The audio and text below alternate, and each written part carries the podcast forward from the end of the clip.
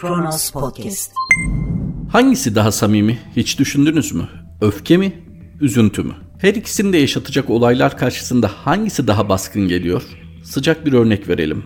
Askere gönderdiği oğlunun cenazesi geldiğinde anne baba bağırarak öfkeleniyor mu yoksa gözyaşlarına mı boğuluyor? Aslında kendi sorumluluğu olan bir konuda asker kayıp verdiğinde intikam yeminler eden siyasetçi mi daha samimi yoksa çocuğunun kaybına üzülen anne baba mı? Lütfen son Gara operasyonunu da böyle değerlendirelim. Yüksek perdeden konuşan, intikam alacağını söyleyen, terör örgütünün elebaşlarını parça parça edeceğini söyleyen siyasiler mi daha samimi yoksa sessizce gözyaşlarını içlerine akıtan aileler mi? Belki de söylemek istediklerini söyleyemeyenler mi? Bu olmasa gerek siyaset. Yani birilerinin canı üzerinden iktidarı pekiştirmek olmasa gerek. Olan biten eğer sizi gerçekten üzüyorsa gereğini yapmak demek olmalı siyaset. Gereği evet bazen şiddet olabilir. Devlet böyle bir yetkiye sahip. Fakat bu öfkeyi siyasi rakipler üzerinden seçmene göstermenin anlamı ne? O makamlar size takım elbise giyip kravat taktığınızda her aklınıza geleni söyleme hakkı veriyor mu? Muhtemel suçlamalardan kurtulmak için neden hiç kurulmamış bir cümleye sarılıyorsunuz? Neden hedef gösterdiğiniz bir partiden böyle cümleler kurulduğunu iddia ediyorsunuz? Neye güveniyorsunuz? Kitlenizin size olan güvenine mi? Peki bu güveni boşa çıkarmak sizi hiç endişelendirmiyor mu? Nasıl bu kadar rahat söyleyebiliyorsunuz? Hemen yalanlanacağını bile bile neden bunu yapıyorsunuz? Gaflet olamaz. Çünkü bir değil, üç değil, beş değil. Belli ki bir strateji. Yani siz tabana ne demek istiyorsanız onu söylüyorsunuz. Sonra yalanlayanların söylediği tabana ya ulaşır ya ulaşmaz. Çünkü nasılsa medyayı büyük oranda kontrol ediyorsunuz. Merhaba 16 Şubat 2021 Salı günün tarihi ve Kronos günden başlıyor Kronos Haber'de. Hulusi Akar'ın Gara anlatımı sadece göz yaşartıcı gaz kullandık. Kürdistan bölgesel yönetimi sınırları içinde bulunan Gara'da gerçekleştirilen harekatla asker, polis ve istihbaratçılardan oluşan 13 kişinin ölümüyle ilgili Türkiye Büyük Millet Meclisi'nde bilgilendirme konuşması yapan Milli Savunma Bakanı Hulusi Akar, 13 kişinin öldüğü mağaraya hava bombardımanıyla etki etmenin mümkün olmadığını söyledi. Akar sadece göz yaşartıcı gaz kullanılmıştır. Bunun dışında herhangi bir silah, mühimmat kullanılması söz konusu değil ifadelerini kullandı. İran kuzeyinde varlığını sürdürmeye çalışan PKK'ye karşı operasyonlarımız artan bir şiddet ve tempoda aralıksız devam etmekte. Pençe Kartal 2 kara desteği olmadan 35 kilometre derinlikte icra edildi. Kritik ve önemli operasyon nitelik olarak diğerlerinden farklılık gösteriyor. Bölgeye ilk inildiğinde iki şehit bir yaralımız oldu diyen Akar şunları söyledi. Karadan destek ve irtibat olmadan icra edildi. Operasyon için yoğun gizlilik tedbirleri altında geniş hazırlık süreci yaşandı. Bölgeye 5 aydır yoğunlaşmıştık. Harekat uçaklarla başladı. Ateş gelen mağaraya yoğunlaşılmıştır. Buraya herhangi bir şekilde hava kuvvetlerimizin bombasının ulaşması pek mümkün değil. Mağaranın iki kapısı daha bulundu. İçeriden ateş ediliyor, el bombası atılıyordu ve askerlerimiz de gerekli karşılığı veriyordu. Mağara girişinde sadece göz yaşartıcı bomba kullanıldı. Vatandaşlarımızın naaşları mağarada görüldü. Tedbirler alındıktan sonra naaşlar mağaradan dışarıya tahliye edildi. Mağaranın durumu da video ve fotoğraflarla tespit edildi. Operasyon kahraman personelimiz tarafından güvenlik tedbirleri alınarak çok zor şartlar altında her ülkenin yapamayacağı şekilde gerçekleştirildi. Harekat boyunca dördü üst düzey yönetici olmak üzere 51 terörist ölü, 2 terörist ise sağ olarak ele geçirilmiştir. Türk Silahlı Kuvvetleri terör örgütünün kendisini çok emniyette hissettiği Gara'da 75 kilometreye 25 kilometrelik bir alanda PKK'ye ağır zayiat verdirmiştir. Bu açıklamadan ne anlamalıyız? Türkiye çok güçlü, ordu çok güçlü, terör örgütüne ağır zayiat verdirdi. Peki 13 kişi nasıl öldü? Sayın Akar'ın anlatımına göre operasyon sırasında PKK'liler 13 kişiyi sağ teslim etmemek için öldürdü. PKK'nın varlık amacı düşünüldüğünde bunda tuhaf olan bir durum var mı? Evet insani değil, evet vicdani değil. Fakat PKK'nın varlık nedeni düşünüldüğünde yani bir terör örgütü olduğu düşünüldüğünde bunu yapacağını hesap etmemek mümkün mü? Herhangi bir askeri operasyon planlanmadan önce bu ihtimali göz ardı etmek mümkün mü? Değil. O halde şimdi asıl soruyu soralım. Neden böyle bir operasyona karar verdiniz? Oysa daha önce denenen farklı yöntemler vardı. Birincisi pazarlık. Devlet böyle bir konuda pazarlık yaptığında kendisini terör örgütüyle denk hissediyor sanıyorum. Yahut da öyle algılandığı endişesi taşıyor. Öyleyse neden daha önce bunun örnekleri verildi? IŞİD'le niçin pazarlık yapıldı? IŞİD'le niçin görüşüldü? akla ister istemez sorunun devamı geliyor. Acaba devletin gözünde bir kısım vatandaşlar vazgeçilebilir vatandaşlar mı? Bu ve benzer sorular, kritik sorular soruldu. Devam ediyoruz. Rehine kurtarmaya gidiyorsun, hepsi ölüyor. Sorumlusu Erdoğan'dır. Partisinin grup toplantısında konuşan CHP Genel Başkanı Kemal Kılıçdaroğlu Gara ile ilgili açıklamalarda bulundu. Cumhurbaşkanı Erdoğan'a 5 soru yönelten Kılıçdaroğlu, bölücü terör örgütünün 5,5 yıl elinde tuttuğu vatan evlatlarını kurtarmak için 2015 yılından bu yana başbakan veya cumhurbaşkanı olarak ne yaptınız diye sordu. Kılıçdaroğlu'nun diğer soruları da şöyle. Abdullah Öcalan'dan seçimlerde mektup dilenirken neden vatan evlatlarının serbest bırakılması için çağrı yapmasını istemediniz? İstanbul seçimleri sizin için 13 vatan evladından daha mı önemliydi? Yıllarca dostum Trump diye böbürlendiniz. Neden dostluğunuzu vatan evlatlarımızı terör örgütlerinin elinden kurtarmak için kullanmadınız? Daha önce benzer hadiselerde sorunun çözümünde büyük katkısı olmuş insan hakları örgütlerinden terör örgütünün elinde tuttuğu vatan evlatlarımız için en azından çağrıda bulunmak hiç aklınıza gelmedi mi? Dün Rize'de yaptığınız açıklamalarda sınır ötesi operasyonun hedeflerinden birinin de şehit olan 13 evladımızın kurtarılması olduğunu ancak başaramadığınızı söylediniz. 13 vatandaşımızın kurtarılması için başlatılan operasyondaki başarısızlığı kim üstlenecek? Bu işin sorumlusu kim? Kılıçdaroğlu'nun Gara ile ilgili açıklamalarının devamı şöyle. Kaçacak delik arıyorlar. Neden? Kusurlarını, eksikliklerini çok iyi biliyorlar. Güle oynaya kongre yapıyorlar. Bir de şehit annesini telefonla bağlatıyorlar. Erdoğan'ın keyfi yerinde anne ağlamaklı. Ders vermeye çalışıyor. Allah bu millete sabır versin. Bir şehit annesini propaganda malzemesi olarak kullanıyor. Oysa nasıl gülüp eğlendiğini, keyif içinde olduğunu bütün Türkiye görüyor. O beyefendinin derdi başka. Bırakın bari o anne matemini yaşasın. O dramı saray ve çevresi acaba biliyor mu? Ellerine kına yaktığını, çocuğunu askere nasıl gönderdiğini biliyorlar mı? Ve konuşuyor. Oğlunuz şehit oldu ve siz o şerefi yaşadınız. Lafa bak. E o şeref en çok sana yakışıyor. Göndersene çocuklarını askere. Niye bedelli askerlik yaptırdın? Hangi AK Partili milletvekilinin çocuğu bedel ödedi bu ülkede?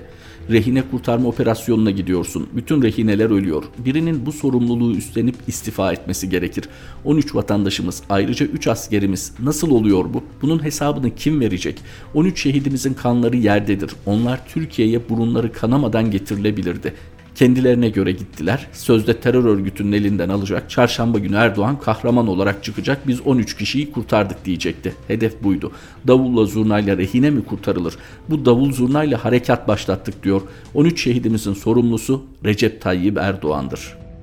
Ortaya konulan hiçbir eylem nedensiz değildir ve hiçbir eylem neticelerden bağımsız değildir. Yani olan askeri açıdan olabilir Gara operasyonu için diyoruz. Yani başarısızlık mümkündür.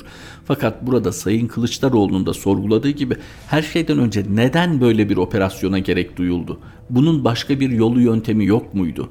Herkesin aklına gelen o en tabii soru. Yani bu iş çatışma olmadan çözülemez miydi?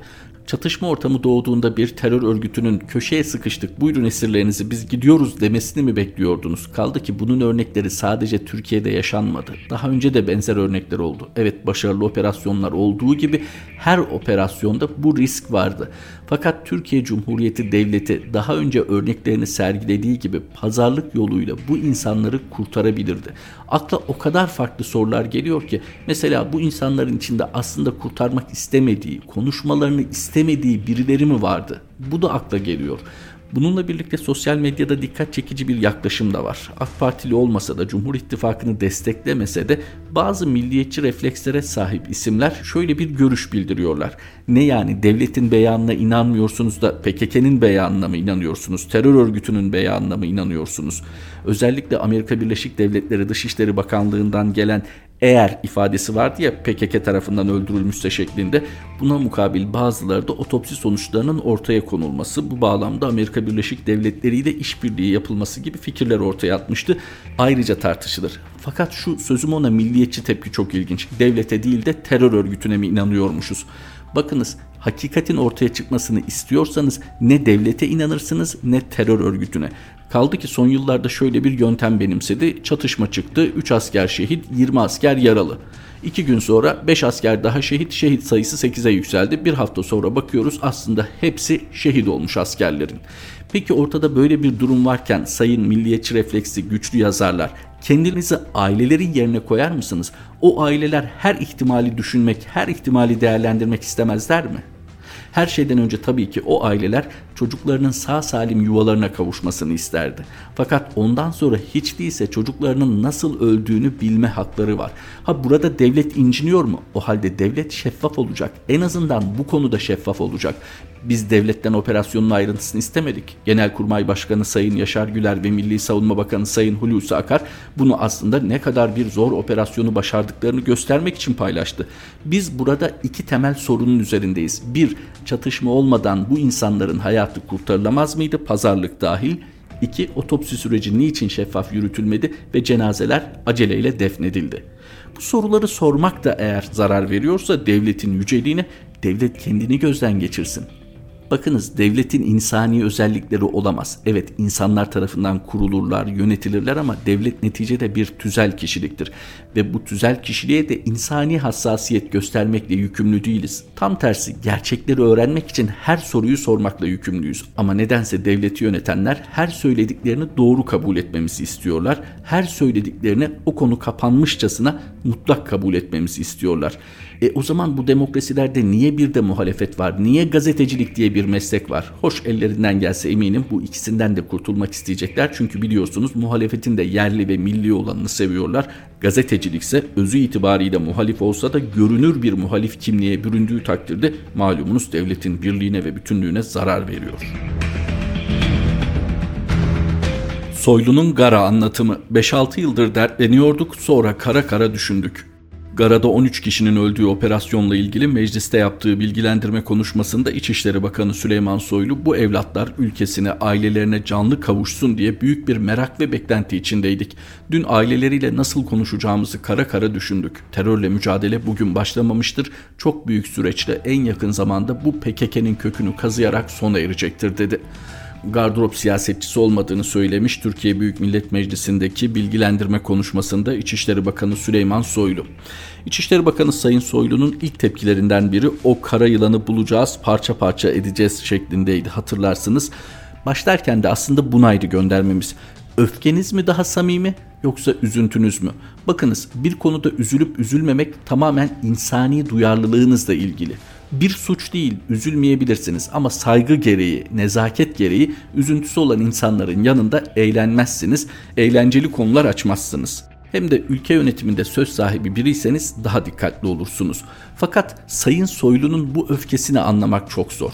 Çünkü bu öfkenizi vatandaşa ya da siyasi rakiplerinize yönlendirmek durumunda değilsiniz. Bu öfkenizin muhatabı bu üzüntüye sebep olanlardır ve öfkenizi lütfen işinizde gösterin. Kendisi ve kendisi gibi davrananlar kusura bakmasın ama bu tavır sadece tiyatral bir algı uyandırıyor. Tabii ki sosyal medyada da yazın çizin ama gidin gereğini yapın, yapmanız gerekeni yapın ondan sonra konuşun. Siz sadece öfkeleniyorsunuz, siz sadece üzülüyorsunuz, siz sadece bağırıp çağırıyorsunuz. Hem de olayda hiçbir dahli olmadığı halde vatandaşın kendisine yüklediği muhalefet sorumluluğu gereği bunu sorgulayan insanlara öfkeleniyorsunuz. Ama hep bir mazeret var. Kusura bakmayın ama şu tepkiyi binlerce kere hak ediyorsunuz. Evden öğretmen alırken, kanun hükmünde kararnameyle ihraç ettiğiniz yargıçları alırken, polisleri alırken ne kadar cevvalsiniz, özel harekat polislerinizi gönderiyorsunuz, kahramanca pozlar veriyorsunuz, Özbekistan'dan getirdiğiniz iki eğitimciyi kameralar karşısında eli kelepçeli geçirdiğinizde gururunuz, onurunuz göklere yükseliyor ama PKK'nin elinden esir kurtarmaya çalışırken bunu beceremediğinizde bunun sorumluluğunu almaktan kaçınıyorsunuz nedense. Bir kere de deyin ki evet üzgünüz ve bu işte bizim de sorumluluğumuz var. Yapamadık, beceremedik. Hani istifayı da belki lütfedersiniz. Sizin istifanız topluma bir şey kazandırmaz. Çünkü sizden sonra gelecek böyle bir iktidar anlayışında sizden daha farklı biri olmayacak. Buradaki mesele sadece istifa edenin onuruyla ilgilidir. Erkan Baş'tan Akar'a 15 Temmuz'da vermediğin emri Gara'dakiler için neden verdin? Türkiye İşçi Partisi Genel Başkanı ve İstanbul Milletvekili Erkan Baş, Türkiye Büyük Millet Meclisi'nde haftalık basın toplantısı düzenledi. Basın toplantısına Gare bölgesinde hayatını kaybeden 13 yurttaşın yakınlarına başsağlığı dileyerek başlayan Baş, sözlerime başlarken Gare'de düzenlenen askeri operasyonun ardından yaşanan toplu kıyımı lanetliyorum dedi.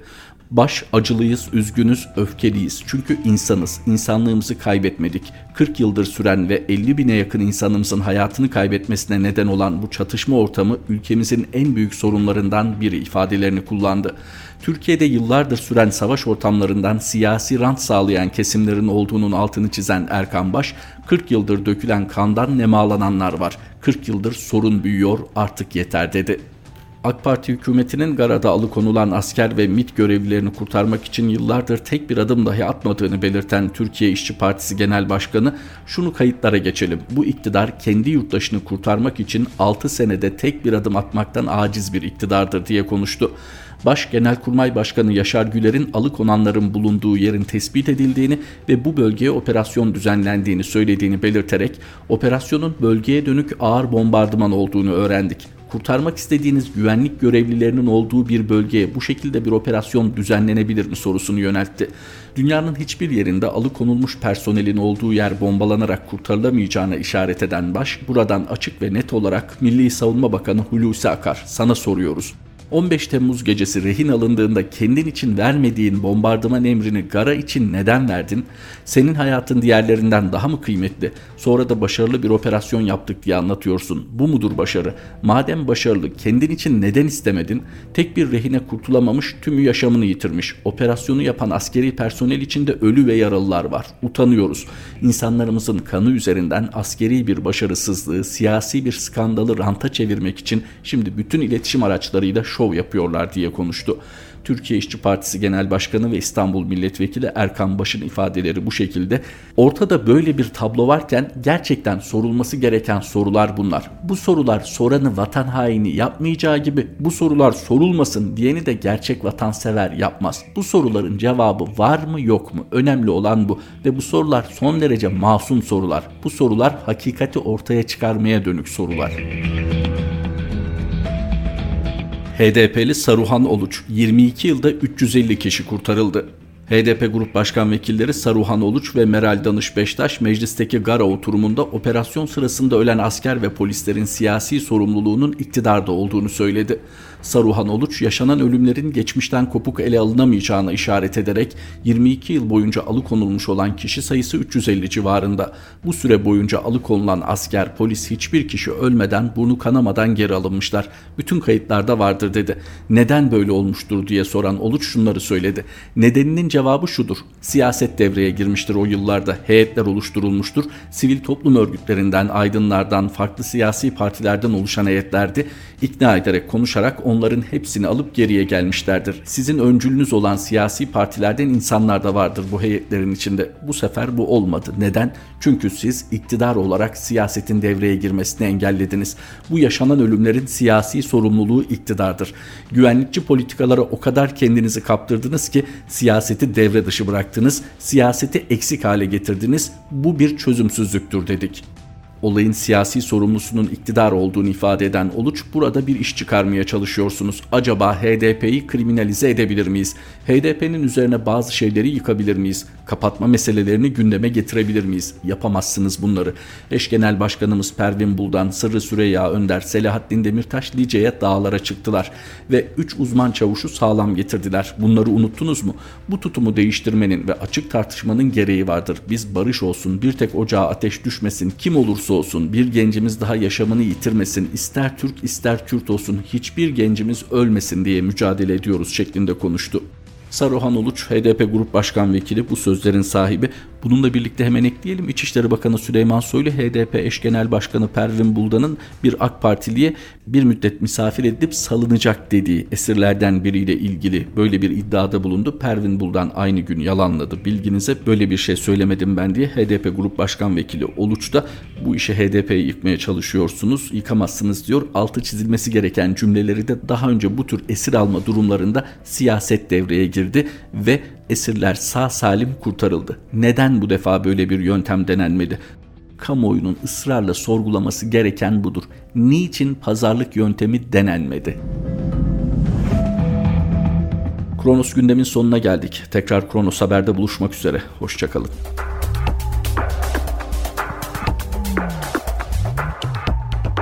Kronos Podcast